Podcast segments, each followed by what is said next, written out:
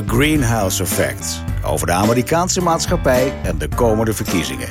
Ik ben Victor Chevoyer. Samen met Charles Groenhuizen is dit dus The Greenhouse Effect. Hartelijk welkom bij aflevering 16 alweer van The Greenhouse Effect. Goeiedag, Charles. Hallo daar. Ehm, ik wil het met jou even hebben over. eh, eh, op, op dit moment, vanwege de coronacrisis, ligt eigenlijk de hele presidentiële. eh, of de hele presidentsverkiezingen ligt eigenlijk min of meer stil. Ehm, waardoor heel veel verplaatst wordt naar online. Eh, het is niet meer zo dat ze eigenlijk het land in kunnen en, en, en zichzelf kunnen laten zien. Ehm, nu is eh, Joe, eh, ehm, eh, Donald Trump nogal een fervente twitteraar. En hij schijnt veel beter ja, beslagen ten ijs te komen op social media dan Joe Biden. Kun je daar wat over vertellen hoe die strijd zich op dit moment verkiezingstechnisch aan het afspelen is? Ja, heel simpel. Het grootste voordeel van Donald Trump is dat hij veel meer geld heeft. Echt vele tientallen miljoenen beschikbaar voor campagnevoer. Het gaat naar campagnespotjes en allerlei andere dingen. Eh, de, de- de echte grote slok op is vaak, eh, los van tv-reclame, kunnen we het zo meteen nog even over hebben. Ja, toch dat hele verkiezingscircus overeind houden met vliegtuigen en eh, grote arena's afhuren enzovoort. Nou, dat is nu allemaal weggevallen. En dat, circus, dat, dat, dat, ja, dat circus, dat, ja, dat staat in de winterstalling en dat blijft in de winterstalling. Uh, maar het is zeker waar dat dat, dat online gedeelte... Uh, dat dat cruciaal is. En het is zo interessant omdat dat maar voor een deel politiek is. Dat is voor een niet onaanzienlijk deel de goede wiskits inhuren. Uh, en dat is Ja, eigenlijk dat- al... Die snap ik niet. De, de, de- ik zal het je uitleggen. Het is al voor een aantal jaren gaande. Uh, destijds ook al onder George Bush Jr. Toen was internet natuurlijk nog wat priller en, en minder algemeen uh, bekend en gebruikt. Maar toen heeft George Bush heel veel profijt gehad van het feit dat ze in zijn campagne, de Bush-campagne van 2000 en 2004, op een hele slimme manier gebruik maakte van, van internet. En dat is dus wel anno 2000, 2004. Ja, het internet van toen. En nog zonder Facebook en Twitter en Instagram ja. enzovoort. Maar wel met e-mail enzovoort. En wat je toen zag, is dat de Bush-campagne, de Republikeinen, veel beter in staat waren om daar gebruik van te maken. En daar zit aan ten grondslag, en dan kom ik op die WizKids... hoe je gebruik maakt van beschikbare data over kiezers. Mm. En toen ging het nog heel simpel. Elk bezoek dat je brengt aan een kiezer... Uh, gewoon als campagnemedewerker, schrijf het op. Met wie heb je gesproken? Waar ging het over? Waar ja. werkten ze? Gewoon de basisinformatie van die kiezers. Dat stop je in grote bestanden. En daar kun je vervolgens in volgende uh, campagnes gebruik van maken. En dan weet je, nou daarop, uh, uh, ik heb ze meestal niet nummer 15, maar is het dan nummer 4212. Hè, die straatnummering loopt daardoor. Maar op nummer 4212, die, die man begon gelijk over vuurwapens. Dat, is, dat je bang was dat ze vuurwapen hadden. Dat, dat schrijf je op. En bij een ander van, nou ja, maar die benzineprijzen de laatste keer, de laatste tijd, mevrouw of meneer, dat is, schrijf je op. En dan jaren later krijgen die mensen ineens een mailing over wapenbezit. Of een mailing over dat de energieprijzen zo uit de hand zijn gelopen. En dat het natuurlijk de schuld is van de Democraten. Of nou, noem maar op. Als de vrouw aan de deur is en die begint over onderwijs, of over abortus, of over weet ik veel. Allemaal opschrijven. Als je het jaar in, jaar uit blijft doen. Uh, krijg je een, een, gegevensbestand en allerlei andere dingen voeg je er naartoe. Van betaalde bestanden, van deel vanuit creditcards, nou, enzovoort. Als je dat op een slimme manier doet, en Trump deed dat in 2016 op een hele slimme manier, slimmer dan uiteindelijk dan de Democraten, dan kun je daar winst mee boeken. En van wat langer geleden, wat ik net noemde uit de tijd van, van George Bush, ook al verhalen van democraten die op een goed moment zeggen: shit, ja, we verliezen gewoon die digitale strijd ja. met de Republikeinen. Ze winnen dat gewoon. Doen ze gewoon slimmer. Meer, meer geld, ja, maar vooral ook gewoon slimmer omdat de Democraten dat ja, een beetje verwaarloosd hadden. Een beetje een oude meuk. Ik weet nog goed, een mm. nieuwe partijvoorzitter kwam en die liep in die kantoren rond. En denk van, wat een bejaarde bende hier. En dat kan nu in 2020 kan dat opnieuw een grote rol gaan spelen. En we, ja, we moeten kijken hoe dat uiteindelijk afloopt, wie dat het beste doet. Maar de traditie is nu van de afgelopen jaren wel dat de, Democra of de Republikeinen daar toch net een, een moppie slimmer zijn dan ja. de Democraten. Uh, en, en dat, je, dat zij op een betere manier hun trouwe, trouwe kiezers weten te bereiken. Denk je dat ze dat in kunnen halen? Want het is. Ja, het, het, het, je hebt het over de biscuits. En je omschrijving geeft eigenlijk een beetje aan wat op dit moment de cookies, geloof ik, doen. Hè? Dat alle bedrijven ook ons internetgedrag in de gaten houden en kijken waar ja. we naar kijken. Als ik eh, online heb gekeken naar nieuwe schoenen... dan krijg ik eh, de komende weken nieuwe schoenen aangeboden. Verrassend. Ehm, dus dat kunnen zij bij de democraten naar mijn beleving toch eigenlijk ook. Dus het ja, maar dit gaat veel verder, hè? Dit, ja. Dit, dit, ja, dit is jarenlang. En, en uh, abonnementen die je hebt. Er worden echt profiles gemaakt per, voor een deel per adres. En dat in een aantal staten kun je dat gewoon vergeten, hoef je er niks aan te doen, want die stemmen altijd republikeins of altijd democratisch. Een hmm. aantal counties of kiesdistricten kun je het ook vergeten, want die stemmen altijd de een of de andere kant op. Het gaat juist om die targeted voting districts, en dat zijn er niet zoveel. Uh, het is goed om dat landelijk te doen, want dan heb je landelijk goede resultaten. Maar uiteindelijk, wat je ziet, is dat staat in, in, een aantal van die kiezers in Ohio en Pennsylvania en Michigan, Florida enzovoort. Waarvan je weet van ja, oh, dat is kantje boord voor de een of voor de ander. En als je daar als een, als een bezetene investeert en dat echt goed, slim aanpakt. Ja. Uh, en dan, dan komt het echt aan op slimme algoritmes. Tuurlijk, maar er zit ook een stuk privacy achter. Maar, maar is je voor je. Wat ja, maar je nou toch ouderwets bezig? Sorry hoor. Ja, ja, dat doet hij niet. Ja, nee, natuurlijk, natuurlijk speelt privacy een rol. Maar je weet ook dat is die almighty dollar, sir. Dus je hmm. kunt, in Amerika kun je... Informatie ik, ik, ik, ik, beschuldig niemand van illegaal kopen of ik wil van informatie, maar ja, we weten je kunt sommige informatiebronnen slim aan elkaar knopen, waardoor je toch ja, de juiste dingen hebt. Nou ja, en het is ook ehm, wel heel erg. Want dat ligt in het verleende van die technologie van die WizKids. Ja. Het framen van een boodschap in alle uitingen die je vervolgens doet. En daar ook heel gedisciplineerd in zijn. En mm. Trump is blijven beuken. Let's make America great again. Is die blijven roepen. En op een moment dacht je van. Nou, dat is een, dat is een mooie brug. En, en, nou ja, en, en, en de, de, de, de beste, kortste slogan die ik ooit in de Amerikaanse politieke geschiedenis heb gehoord en gezien. Twee woorden. America first. Ja.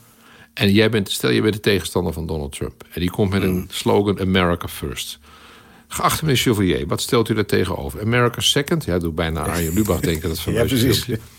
Maar je kunt daar niks, daar kun je iedereen je vindt America first. Het is ja. in zijn simpelheid geniaal als je dat in elke uiting, die rode petjes, let's make America great again, America first, en dan kun je wie, wie kan daar tegen zijn? Als je dat goed uitvindt. Dat was de kreet van Obama in die tijd. Uh, change. Nou, die, die, die, was pro, nog Progress we can believe in. ja. ja. Nou, dat was een mooie brug, wat wilde ik net al heen. Want je, ik, ik, onderbrak je in de start en toen wilde jij nog iets vertellen... over de televisiereclame die ze daar hebben. Ja. Wat wil je daarover kwijt? Nou ja, kijk, aan de ene kant blijft die televisiereclame cruciaal. Uh, dat, dat hebben ze in Amerika zo ongeveer uitgevonden. Uh, en ik, ben een groot liefhebber van ook oude campagnespotjes. Om die allemaal nog eens terug te kijken. Oh, wat was het ook leuk toen met Reagan. En oh, terug naar Eisenhower en Kennedy. Uh, van deze tekenfilmpjes. Echt, het is fantastisch. Als je gewoon naar TV of political uh, eh, TV ads gaat en dan de naam invult. Eisenhower of Kennedy of Nixon of Reagan enzovoort. De allermooiste is en blijft uit, uit de hele geschiedenis. Het spotje 1984, Ronald Reagan. En de kenners weten nu onmiddellijk waar ik op doel. Let's, uh, it's morning again in America. Ja. Als je gewoon googelt op YouTube of op YouTube intikt... It's morning again in America, Reagan, dan rolt hij eruit. En dan zie je... Daar ben je nog steeds verliefd op. op nou, dat is, dat is zo knap en goed gemaakt in, in een minuut. Het duurt een minuut. Meestal in 30 seconden, deze is een minuut. En uh, dat was de 1984-campagne tegen Walter Mondale. Nou, die Walter Mondale, die hij denk ik nog wel eens in mijn ochtendgebed... stel dat ik ochtendgebed deed.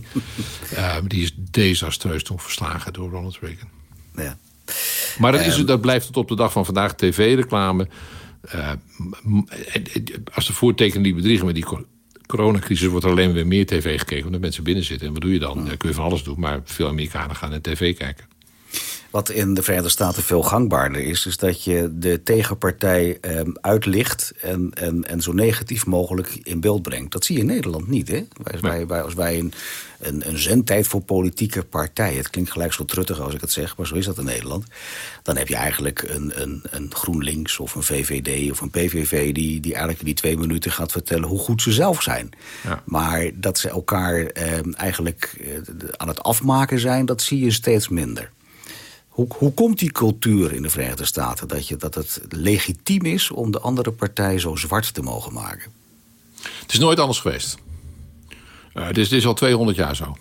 Oh, uit, Dus dan mag het. uit, uit eh, de 19e eeuw kom je allemaal al voorbeelden tegen van... eh, dat de ene politicus tegen de ander zegt dat hij een schijnsmarcheerder is... of een dronken lap of zijn vrouw slaat. Of, ik bedoel, echt, het gaat maar door. en dat ging er in cartoonvorm. Dan zie je ook inderdaad die andere presidentskandidaten... inderdaad met een ook afgebroken whiskyfles achter zijn vrouw aanrennen en zo. Het is echt buitengewoon vermakelijk. Dus het is nooit anders geweest. Ja. Eh, en dat, dat, dat is, is tot op de dag van vandaag is, is dat zo gebleven. Eh, het, het, het, het heet het mudslinging, hè, het gooien met modder, letterlijk. Mm. Eh, en dat, ja, dat is in Amerika echt tot kunst verheven. Ja, Eh, en niemand is, daar ook maar- meer, niemand is daar ook verbaasd over. Kijk, als, als hier de VVD zoiets over de Partij van de Arbeid zou zeggen... of omgekeerd, weet ik veel... ja, dan zou iedereen up in arms zijn... en zouden we heel op één eraan besteden van... jongen, jongen, de Amerikanisering van de Nederlandse politiek. Maar Amerikanen zijn daar absoluut niet eh, van onder de indruk. Eh, en en wat, wat daar nog aan de grondslag ligt... en dat, dat borduurt een beetje voort op wat we net hadden... over die, het organiseren en technisch organiseren van zo'n campagne. Een ander aspect, wat in het verlengde ligt... van die negatief, negative campaigning, dat mudslinging... is wat ze noemen oppo research, opposition research. Ja. Dus ik ga, of ik huur een aantal jongen, jongens en meisjes in die hartstikke slim zijn. En die stuur ik naar het archief van de plaatselijke krant en het televisiestation en weet ik niet. En zeggen, ga maar graven, ga maar graven. Wat vind je over, stel dat wij tegenstanders zijn, die, die, daarmee, die eh, Victor Chevalier, hè, ga, ga zoeken, die moet vast wel eens wat geks gezegd hebben. Of er moet een foto ergens opduiken dat die meneer Chevalier in een licht complimenterende situatie, weet ik veel. You name it. Ja, En een beroemd voorbeeld is, het, het klinkt heel klein, maar het is echt fantastisch. Toen eh, John Kerry eh, eh, voor het presidentschap ging in 2004.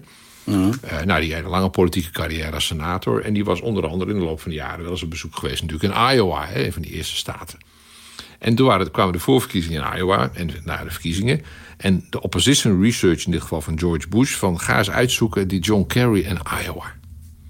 Toen hebben ze ergens een knipsel opgeduikeld van vele jaren daarvoor, waarin ze aan Kerry vroegen. Hij was helemaal geen kandidaat, was hij gewoon senator, maar helemaal presidentskandidaat. Zeg dat, denk je er nog wel eens over om voor presidentschap te gaan? Ja. En toen had hij, ik weet het niet meer letterlijk, maar het kwam erop neer dat zijn antwoord was: Ach, hou op zich. Dan moet je, hoe, weet je wel hoe vaak je naar dat klote Iowa moet als je presidentskandidaat wordt? Ach, ik moet er niet aan denken, al die keren naar Iowa. Nou, drie keer raden. Dat werd dus de campagnespot. De vorige keer dat John Kerry hier was, vond hij, vond hij het nog een klote staat hier. Wat denk je? Gaan we nu voor deze man stemmen? Nou, dat is dus. En dat zijn van die, van die snippertjes. En als je van politiek houdt, ja, ik zit echt te, te glimmen voor Te smullen van wat er gaande is. Maar Oh, wat is dat leuk. Het geeft nog wel een andere vergelijking. Hè? Want het is ook wel weer leuk om Nederland daar weer naast te mogen zetten. Wat mij opvalt is dat de, de, de, de politieke polarisering in Nederland... een beetje tot stilstand gekomen is door de coronacrisis. Wij hebben een beetje de mentaliteit gekregen, niet helemaal natuurlijk... maar dat we een beetje het samen aan het doen zijn. Die gemeenschappelijke vijand, corona, kent de Verenigde Staten ook. Maar je ziet daar juist een toename van die polarisering. Eh, eh, Heb je daar iets... Hoe Ja, dat, kijk, hoe dat in werkt? Amerika zijn ze, als het om polarisatie gaat en elkaar eh, voor rotte vis uitmaken, zijn ze het point of no return gepasseerd. Hmm. Dat komt ook niet meer goed voorlopig. Eh, en, en in alle eerlijkheid, Barack Obama heeft echt geprobeerd om dat punt echt wel wat te doen. En ook George Bush, zijn voorganger, was veel Ja. compromismatiger. Interessant ook dat de familie Bush, eh, George en Laura, goed bevriend zijn. Echt persoonlijk bevriend nu met de Obama's, met zowel Barack als Michelle. Er zijn Ja. prachtige foto's van George W. met Michelle Obama. Nou, die, het lijkt wel een verloofd stel. Dat ze oprecht op elkaar gesteld. Die, die houden van elkaar. Nou ja, dat, dat, is on, on, dat soort toenadering over partijlijnen heen is, is nu totaal ondenkbaar in, in, in het, in het tijdperk van Donald Trump. Eh, en, en het is waar wat jij zegt, je zou denken of je zou hopen dat in dit tijdperk met zulke grote problemen voor zoveel Amerikanen, zoveel mensen die dood zijn, zoveel mensen ziek, zoveel mensen failliet, dat je een, een, een eh, eh, maatregel bedenkt waarbij je aan tafel gaat zitten van hoe kunnen we dit gaan oplossen? Ja, hoe kunnen hoe we samen, samen doen? Precies. Jij wilt dit, ik wil dat. En laten we kijken of we ergens in midden uitkomen. En dat is de grote zegen. En je weet, Victor, ik roep het als vaker tegen Nederlanders. Tel uw zegeningen. En ja, we hebben een debat. En ja, er zal, een, denk ik, een parlementaire enquête komen... over wat zich hier nu allemaal afgespeeld heeft... met het kabinet, met de RIVM, met andere... Prima, moeten we allemaal doen. En is het geld goed besteed, moeten we allemaal doen. Het hoort erbij. Ja. Maar voorlopig staan we toch ook als je naar de cijfers van Maurice de Hond kijkt, staan wij in grote meerderheid achter het beleid van het kabinet. Hoewel je daar van alles over kunt uh, op aanmerken. En dat is een vorm van tolerantie en een vorm van geduld en een vorm van inschikkelijkheid die in het Amerikaanse systeem absoluut onmogelijk is. En dat is treurig. Uh, en het is, het, is, het is desastreus en vooral ook destructief. Maar, Victor, al, al, al, al, wat is het leuk als je Amerika-watcher bent. Je hebt een geweldig leven, Charles. En, en, mag ik hem even heel sentimenteel afsluiten? Wat wonen wij in een mooi land, hè? Wat een rust. Het is waar. En, en, en, en, we zijn een van de gelukkigste landen ter wereld. Ik roep het altijd ja. tegen rechts-Amerikanen die zeggen... You're all socialist up in Europe. Nou, oké, okay, misschien als wij, als wij socialisten ja, zijn... het een woord is ook. Ja. We zijn, Europa is gelukkig, maar ook Nederland... En het is toch een soort resultante van alles wat je meemaakt... met gezondheid en banen en geld en wonen enzovoort. En veiligheid. Als, als jij zegt mijn geluk geef ik een 7,8 of 7,9. En als dat het gemiddelde is van Nederland, en dat is het... Ja. dan doen we met z'n allen misschien een hoop dingen nog niet goed... of niet goed genoeg. Maar, landgenoten, dan doen we vooral ook heel veel dingen wel, wel goed. goed. En daar kunnen de Amerikanen nog één puntje aan zuigen. Mag ik de luisteraar doorverwijzen naar onze andere podcastserie Optimo Praat. Want daar zou dit een hele mooie, heel mooi einde van zijn. Dankjewel, Char. Tot de volgende keer. Oké.